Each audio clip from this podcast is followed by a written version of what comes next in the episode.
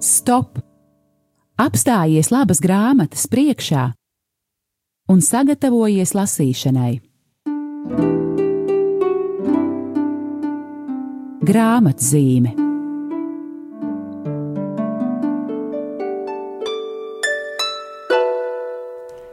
Esiet sveicināti, mīļie Māri, Marija, Latvija, radio klausītāji! Ir klāta kārtējā trešdiena, un studijā ir raidījums, eh, lai jums stādītu priekšā raidījuma grāmatzīme Aija Balode un Laura Feldberga. Jā, un ja jūs atceraties, pagājušajā nedēļā mēs jau iesākām raidījumu tādās novembra noskaņās, proti runājām par mūžīgās dzīves tēmu un par svētuma tēmu. Un šo svētuma tēmu mēs šodien vēlētos arī turpināt. Mēs esam apstājušies uh, grāmatas svēto portreti priekšā. Grāmatas autors ir Karmelīts Antonio Sikari, un šī grāmata mūsu izdevniecībā tapa jau nu, salīdzinoši pasen 2008. gadā. Un, uh, mēs tā kā smēlāmies no Antonio Sikari milzīgajiem krājumiem, no stāstiem par uh, dažādu svēto dzīvēm. Jā, šī tēva Karmelīta tēva Antonio Sikarī dāvana ir rakstīta par svētajiem. Um, tas ir arī viņa tāds aicinājums un sirds lieta, jo tiešām viņš, uh, ja jūs izlasīsiet kaut vienu šo svētā portretu, jūs jutīsiet, ka um, to raksta cilvēks, kam, tā, kam šī lieta ir sirdī. Proti, tur ir tādā brīnišķīgā balansā gan uh, gadsimti, vēsturiskais laiks, fons, kad uh, svētā dzīve notiek, bet arī um, gadījumi no viņa dzīves, um, jaukas cilvēciskas detaļas. Un tas viss veido tiešām tādu šarmantu un ļoti ticamu cilvēcisku svētā portretu. Un, uh, Mēs izdevām šo grāmatiņu, iekļaujot tajā piecus svētu cilvēku dzīves aprakstus. Um, tur ir stāsti par Jāni Mariju Vieneju, Avils Terēzi, Jāni no Krusta, Žannu Dārku un Asīzes Klāru. Un um, veidojot šo grāmatu, mēs uh, arī, protams, domājam, kā to, kā to noformēt, kā cilvēkiem šos stāstus pasniegt. Un uh, mēs uh, Um, izvēlējāmies noformējumam tādu tā kā akmens mūri, jā, sienu, kur šie visi akmeņi cieši um, cits citam piekļaujās un veido, nu, tā ir siena, varbūt baznīcas siena, varbūt kaut kas, kaut kas, uh, nu, kaut, kaut katrā ziņā kāda celtne, un visi kopā, tātad šie svētie veido šo ēku.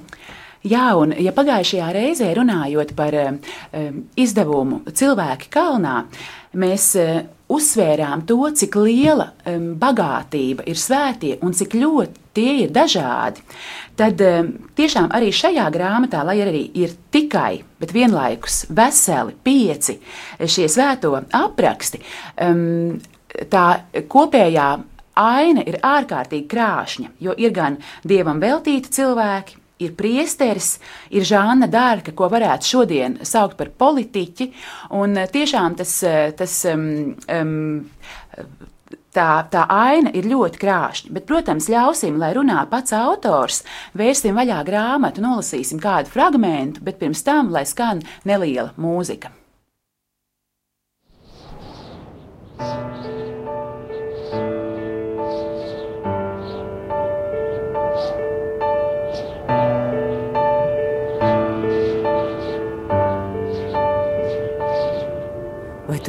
Redzi to cilvēku tai kalnā?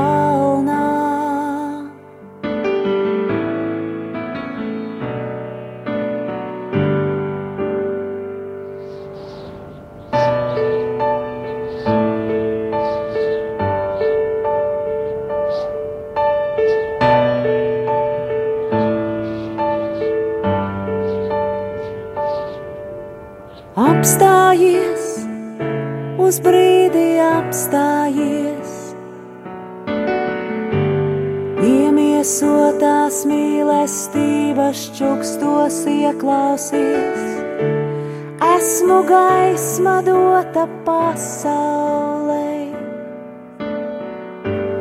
un vairs tumsa nespēs uzvarēt.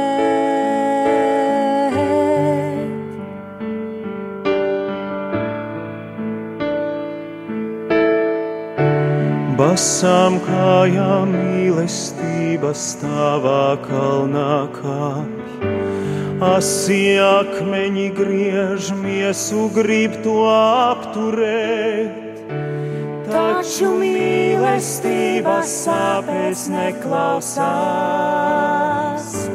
Laiks ir pārāk dārgs, tai jāsteidzās.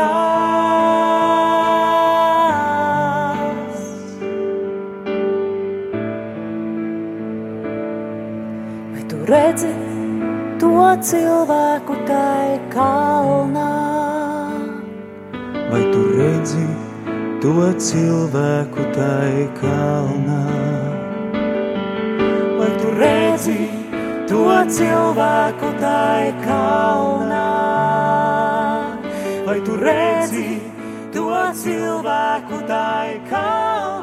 Turpinām raidījumu grāmatzīmi, un šodien mēs esam apstājušies grāmatas svēto portretu priekšā. Un kā pirmo portretējumu šajā grāmatā mēs jums piedāvājam aprakstu par svēto ārsas prāvestu, jeb Jāni Mariju Vienēju. Jeb kā šajā stāstā viņš tiek saukts par Žānu Mariju Vienēju, jo tā arī ir. Um, tēvs Žāns Marija nāk no Francijas, un, un eh, tā viņa vārds arī būtu latviskojams. Bet, protams, um, mēs viņu varam saukt arī par Jāni Mariju Vienēju, un to sapratīsim. Un eh, šajā um, stāstā um, tēvs Antonio Marijas Sikari uh, sākumā runā par priestera aicinājumu un kalpojumu un par to, kā katra priestera um, aicinājumā ir ietverta tāda kā drāma, tāds izaicinājums. Proti, no vienas puses priestera cilvēciskās dabas trauslums, un no otras puses milzīgā atbildība, ļoti lielais, svētais uzdevums, kas viņam ir uzticēts. Un um, tēvs Antonio Sikarī raksta, Svētais ārsas prāvests pats savā un dieva priekšā ir šīs neizsakāmās drāmas dzīves iemiesojums. No vienas puses viņš sacīja, kas tas ir priesteris, to mēs spēsim saprast tikai debesīs. Ja mēs to saprastu šeit, virs zemes, mēs nomirtu ne jau aiz bailēm, bet aiz mīlestības. Jo pēc dieva, priesteris, tas ir viss. Atstājiet draugus desmit gadus bez priestera, un cilvēki sāks pielūgt zvēru.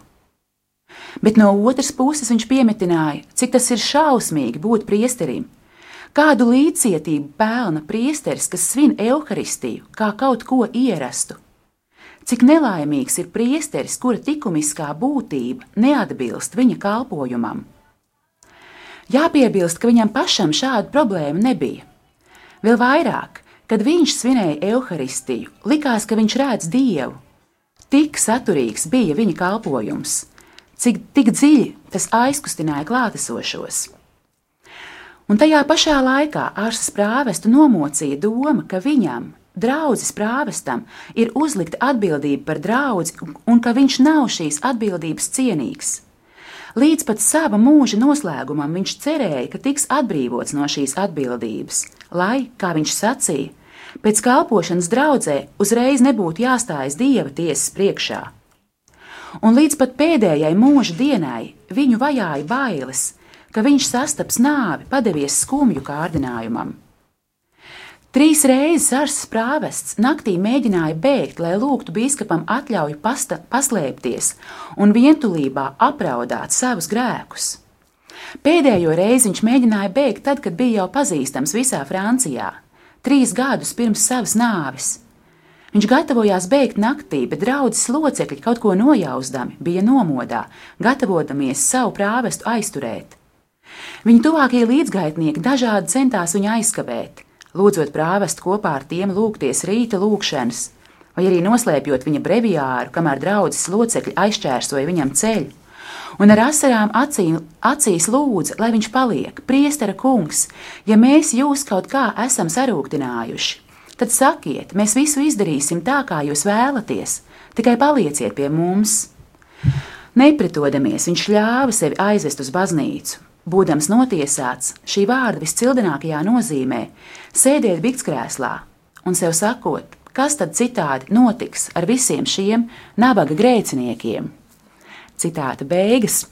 Un, no savas puses varu vēl, vēlējos mm, padalīties tādā vienā sajūtā, kas man pārņēma, lasot šo fragment un pārējo stāstu par Jānu Mariju Vienēju. Un proti, cik tas ir interesanti, ka šis svētais vīrs, kurš jo vairāk kalpo dievam, jo uzticīgāk to dara, jo vairāk Tur vairs vispār nav nekā no viņa cilvēciskuma. Tādā ziņā, ka no kaut kādas lepnības vai cilvēciskām vājībām. Pilnīgi nekā man šķiet, viņš jau kļūst caurspīdīgs, un tur ir tikai tīra dieva žēlastība, kas caur viņu strādā. Un vienlaikus viņš pats to vispār neapzinās. Viņš pats jūtas šī kalpojuma necienīgs. Un tur ir tāda brīnišķīga epizode, dažs lapus tālāk, kur um, kaimiņu um, prāvesti kļūst greizsirdīgi uz Jāni Mariju Vienēju, un viens no viņiem pat um, uzraksta Jānim Marija, Marijai Vienējam vēstuli sakot, ziniet, ko kungs, eh, cilvēkam, kam ir tik aptuvenas um, zināšanas par teoloģiju, vispār nevajadzētu būt priesterim. Uz ko Jānis Marija vienais viņam pazemīgi atbild: Godātais tēvs, paldies par jūsu vēstuli! Es jūs mīlu un pateicos no visas sirds, jo jūs esat cilvēks, kas mani saprot vislabāk. Un ielūkosimies vēl kādā lapusē no stāsta par Jāni Mariju Vienēju. Ap 1827. gadu sāk izplatīties valodas, ka viņš ir svēts. Iesākumā pie viņa ikdienas ieradās kādi 15 reizēm 20 svētceļnieki. 1834. gadā to ir jau 30 tūkstoši gadā, bet pēdējos viņa mūža gados no 80 līdz 100 tūkstošiem nācās ieviest regulāru transporta kustību starp Lionu un Arsu. Lionas stacijā nācās atvērt īpašu kasi, kurā pārdeva biļetes uz Arsu turp un atpakaļ, kas bija derīgas astoņas dienas. Tajā laikā šāda veida biļetes nepastāvēja, jo, lai varētu izsūdzēt grēkus, bija jāgaida apmēram nedēļu. Tā sākās Arsas prāvesta īstā misija. Viņš kļuva grēksūdzes moceklis. Pēdējos 20 savu mūža gados viņš bikts krēslā atradās vidēji 17 stundas diennaktī, sākot pieņemt grēksūdzes no vieniem vai diviem naktī vasarā, bet ziemā no četriem rītā līdz pat vēlam vakaram. Viņš pārtrauc pieņemt grēksūdzes tikai tādēļ, lai celebrētu svēto misi, lasītu breviāru, katehizētu un dažas minūtes veltītu ēšanai. Vasarā baznīcā bija tik smacīgi, ka svētceļniekiem, lai nepaģīptu, nācās gaidīt rindā ārpusē, bet ziemā baznīcā valdīja stindzinošs augstums. Kāds no aculieciniekiem stāstīja. Es jautāju prāvestam, kā viņš spēja atrasties baznīcā ilgi tādā salā, nesasadzot kājas, lai pasargātu tās no augstuma. Mans draugs, viņš atbildēja, lieta tāda, ka no visu svēto dienas līdz lieldienām es kājas vispār nejūtu. Bet šī atrašanās jebkuros laika apstākļos un jebkurā stundā baznīcā, it kā viņš būtu ļaužu pūļa piekalts pie bikts krēsla, vēl nebija pats lielākais ārsas prāvesta upurs un ciešanas. Viņš cieta no šī grēka un ļaunuma viļņa, kas gāzās par, pār viņu kā netīra traume. Visu, ko es zinu par grēku, viņš sacīja, es uzzināju no viņiem. Prāvests uzklausīja grēku sūdzētājus, lasīja viņu sirdī kā atvērtā grāmatā, bet galvenais viņiem palīdzēja atgriezties pie dieva. Bieži vien viņš cilvēkam, kas bija izsūdzējis grēkus, paspēja pasakīt tikai dažus vārdus, bet pēdējos mūža gados viņa balss bija tik klusa, ka prāvests sacīto tik tikko varēja saklausīt, taču cilvēki pēc grēksūdzes bija saviļņoti. Ja vien kungs nebūtu tik labs, ārsas prāvests sacīja, bet viņa labestība ir tik liela, ko ļaunu kungs jums nodarījis, ka jūs tā izturaties pret viņu? Vai arī kādēļ tu mani tik cietsirdīgi apvainoji? Reiz mūsu kungs tev jautās tā, un tev viņam nebūs ko atbildēt. Ļoti bieži, īpaši tad, kad grēcinieki virspusēji apzinājās savus grēkus un tāpēc nepilnīgi tos nožēloja, svētais prāvests pats sāka raudāt un tas bija neparasti. Redzēt ar savām acīm patiesi skumju, neviltotu, ciešanu īstu sāpju iemiesojumu. Cilvēks, kas sūdzēja grēkus, redzēdams skumjas, kas bija iemiesojušās viņa bikts tēvā, uz mirkli it kā varēja ieraudzīt to, kā Dievs skumst par viņa grēkiem.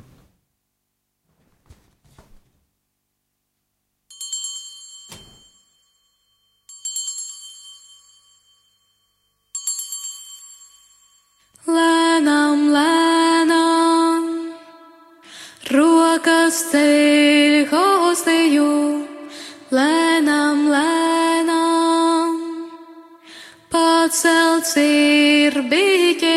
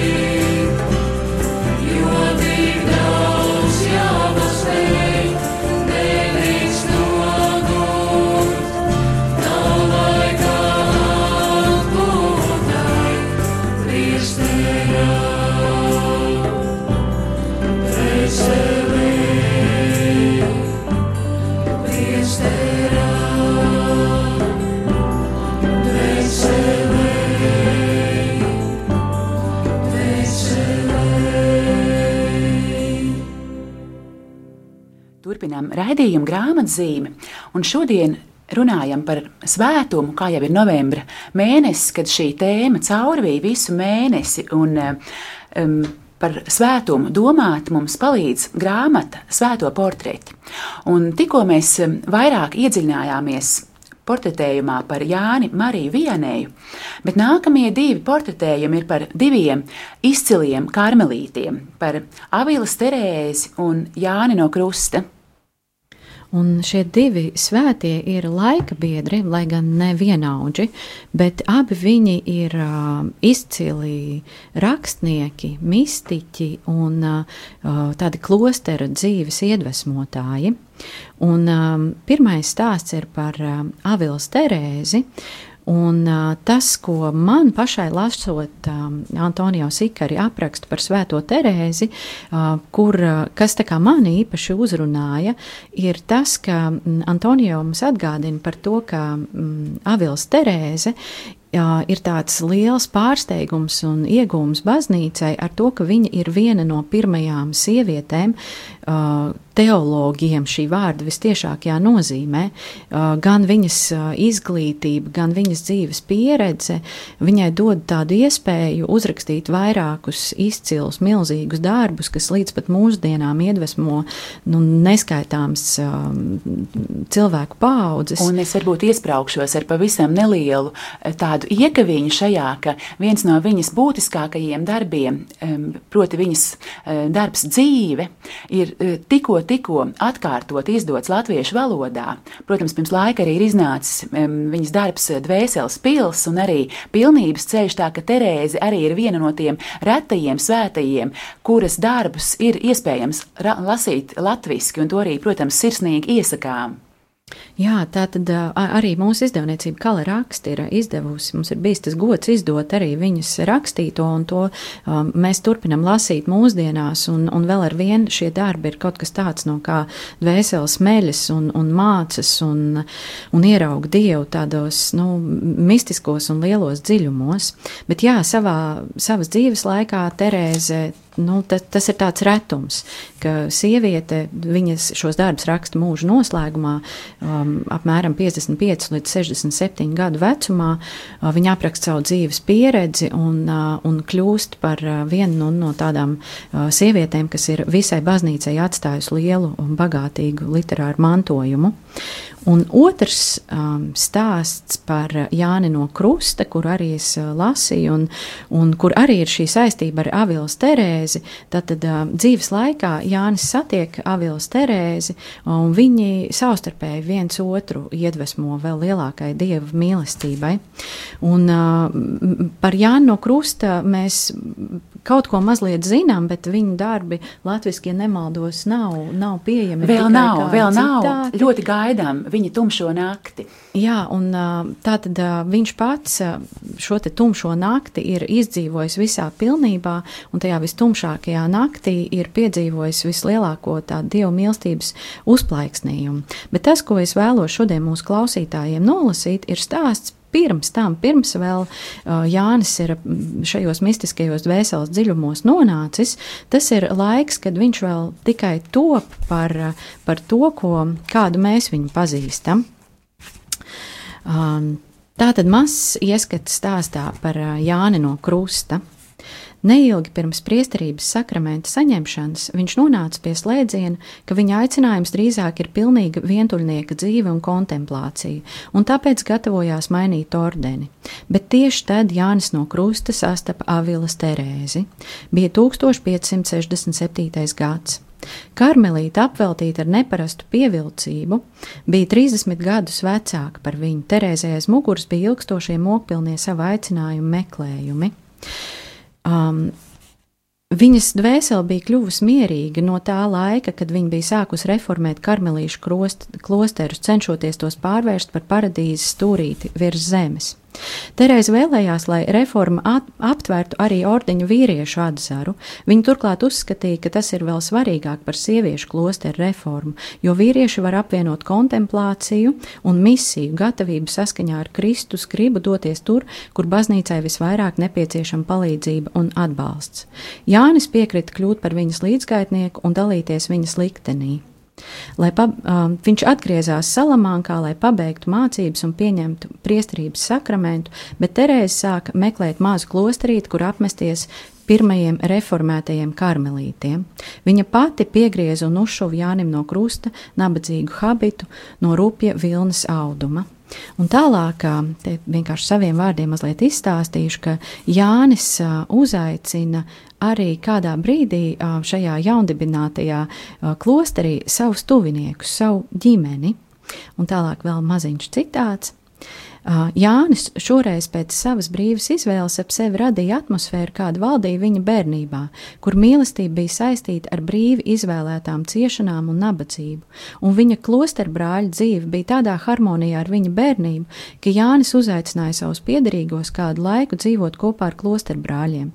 Kamēr brāļi sludināja, Jāņa māte gatavoja kopienai pieticīgu maltīti, brālis Francisks uzkopa telpas un guļvietu, bet brāļa sieva Anna mazgāja veļu. Tā radās Karmels, kur bija iecerējusi un vēlēsies izveidot svētā Terēzi. Dzīves pieredze, ko brāļi gūta klosteru kopienā, bija tik bagāta un dziļa, ka viņi uz visiem laikiem saglabāja uzticību izvēlētajam ceļam. Jā, tiešām klausoties tevi, Lauriņ, kā tu to lasi, un saprotot, ka mums ir priekšā vēl divas, svē, divas svētās, abas ļoti atšķirīgas un abas ļoti brīnišķīgas, proti, Žāna Dārka un Asīs Klāra. Un savukārt, paskatoties pulkstenī, kas nepielūdzami saka, ka mūsu rīcībā ir vēl tikai 5 minūtes, tad es atļaušos jūs, mīļie klausītāji, vēl noturēt pie tā, ko mēs jums stāstām, un, un neļaut atļaut jums atpūsties kādā mazā mūzikas eh, pauzē, jo tiešām ļoti vēlētos pateikt dažus vārdus par Žānu Dārku. Un proti, Antonio Sikarī um, runā par šo svēto um, šī stāsta ievadā, uh, izvirzot ļoti interesantu tādu problēmu. Viņš saka, proti, ka Žānas gadījumā var runāt par to, ka Dievs nostājas kāda politiskā spēka vai kādas valsts vai kādas, te, kāda, kādā pusē ļoti skaidri. Un, Jo, jo proti, tad, nu, kaut ko jau mēs visi zinām par Žānu Dārgu. Proti, to, ka viņa bija vienkārši lauku meitene, kura pēkšņi saņēma pārdabiskas atklāsmes, proti, balsis, kas viņai teica, Žanna, tev būs, tev ir jākļūst par ne vairāk, ne mazāk eh, karavīru, tev ir jāiet cīņās, cīnīties par savu Franciju, jo Dievs ir norūpējies par franču tautu, par franču valsti, un viņš tevi ir izvēlējies par jauno franču, francūžu līderi.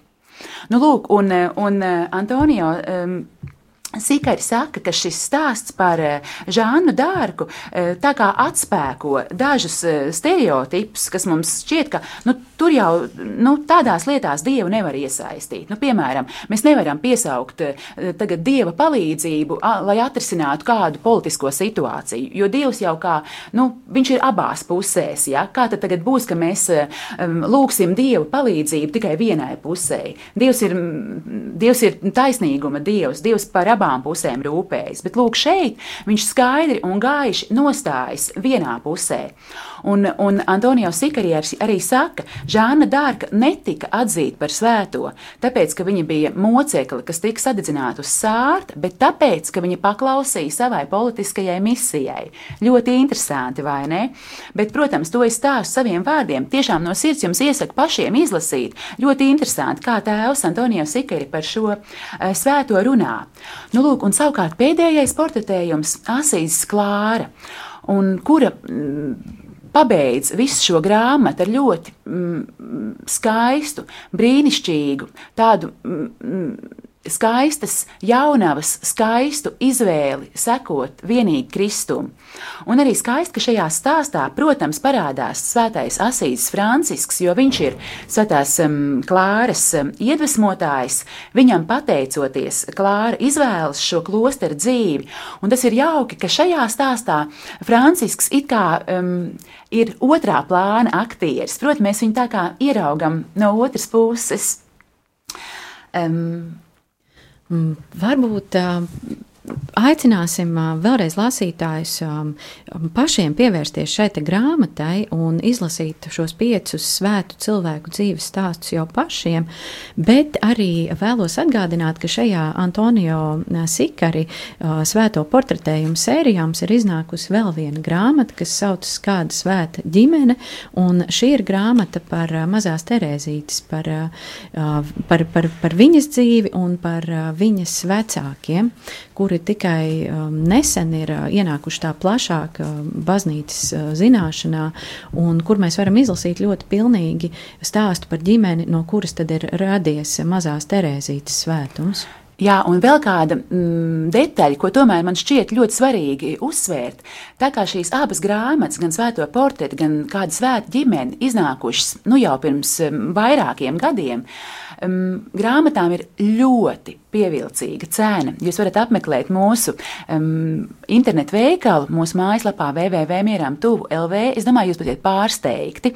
Un ceru, ka šī jaukā cena arī tiešām jūs pamudinās grāmatu iegādāties un lasīt. Un pašās raidījuma beigās burtiski jauks mazs ziediņš no Svētās Asīs Klāras e, portretējuma.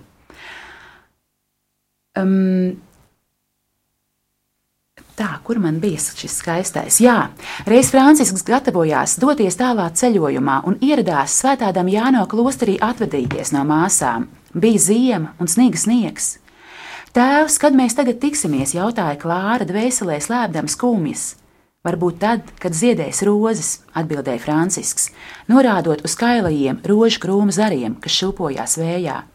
Jā, viss dieva rokās, piekrisdama īsi noteica Klāra un lūk brīdī, kad Francisks pamazām izgaisa viņas skatienam, stingajos rožu krūma zaros sāka plaukt ziedi. Klāra panāca Francisku un smaidīdam viņam tos sniedza. Paldies, ka klausījāties, un lai jauka šī nedēļa, lai jauka lasīšana, un tiksimies atkal nākamā trešdiena.